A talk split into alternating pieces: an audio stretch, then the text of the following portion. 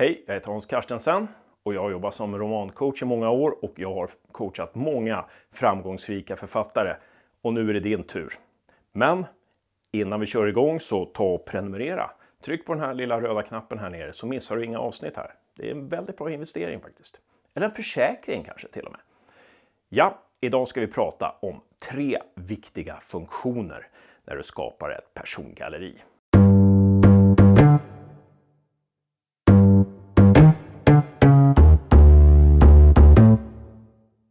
Ja, persongalleriet ja.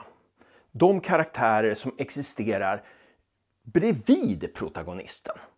De är otroligt viktiga alla de här personerna. Varför det? Ja, främst för att det är de som bestämmer hur protagonisten är. Vilken resa protagonisten ska ge sig ut på. Så att det här persongalleriet eller sidokaraktärerna, de ska du ägna stor vikt vid.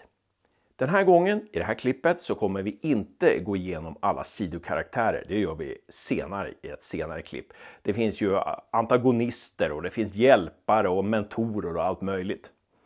Nej, idag ska vi prata om funktioner. Tre funktioner som hjälper dig att sätta precis de personer du behöver i din roman.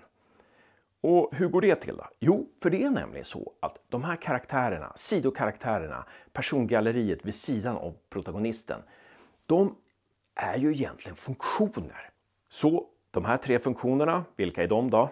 Jag ska inte hålla er på halsen längre. Vi kör redan nu med nummer ett. Det är gränsöverskridaren. En karaktär som behövs för att ta in berättelsen på en oväntad väg. Gränsöverskridaren gör sånt som hon normalt inte vågar eller brukar göra. Helt plötsligt så definierar den här karaktären om sig och, och blir modig eller dumdristig eller bara blir en annan än man tror att de ska vara. En mycket viktig karaktär. Det kan också vara protagonisten. Du ska få göra en övning så kanske det här blir lite tydligare. Jag ska läsa upp en text som jag kommer på själv som beskriver en flicka som oftast är tyst. Din uppgift blir att definiera om henne. Låt henne göra något som hon inte brukar göra. Här kommer texten. Hon är flickan som sitter tyst vid matbordet i den stora familjen med nio syskon. Men en dag händer något som förändrar hur alla ser på henne. Vad händer?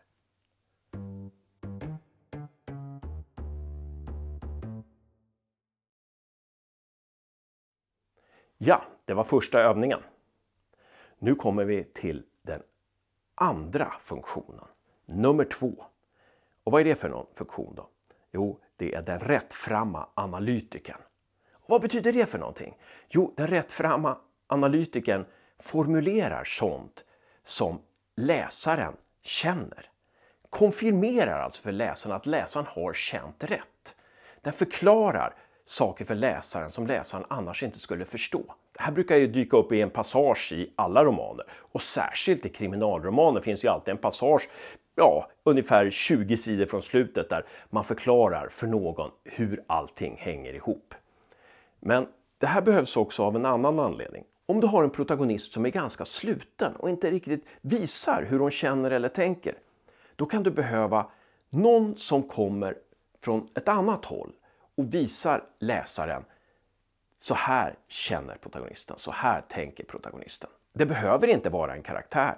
Det kan vara ett sms eller ett mail som någon skriver som visar läsaren att så här är det. Till exempel om protagonisten inte är bra på att visa känslor och läsaren är osäker på var protagonisten egentligen befinner sig känslomässigt.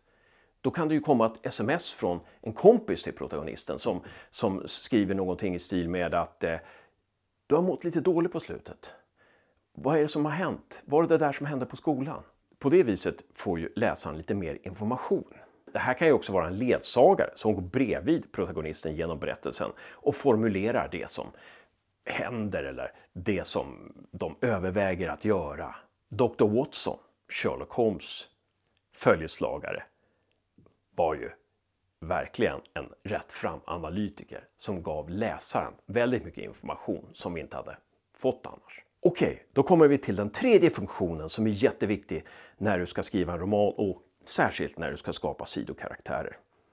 Den tredje funktionen, den dåliga rådgivaren. Den dåliga rådgivaren, det är ju den som inspirerar protagonisten i helt fel riktning. Protagonisten är på väg dit, men den dåliga rådgivaren lägger saker i huvudet på protagonisten. Till exempel säger att det är på det här viset. Oj, är det så? De där människorna där borta, de är farliga.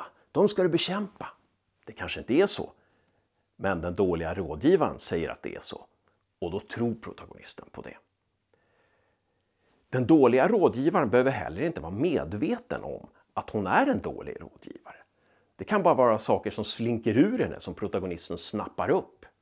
En dålig rådgivare är ju Richard Greenleaf, Dickie Greenleafs pappa, i den första boken om Tom Ripley som Patricia Highsmith har skrivit. Där Dickie Greenleaf säger till Tom, kan inte du åka till Italien och hämta hem min son? Dåligt råd.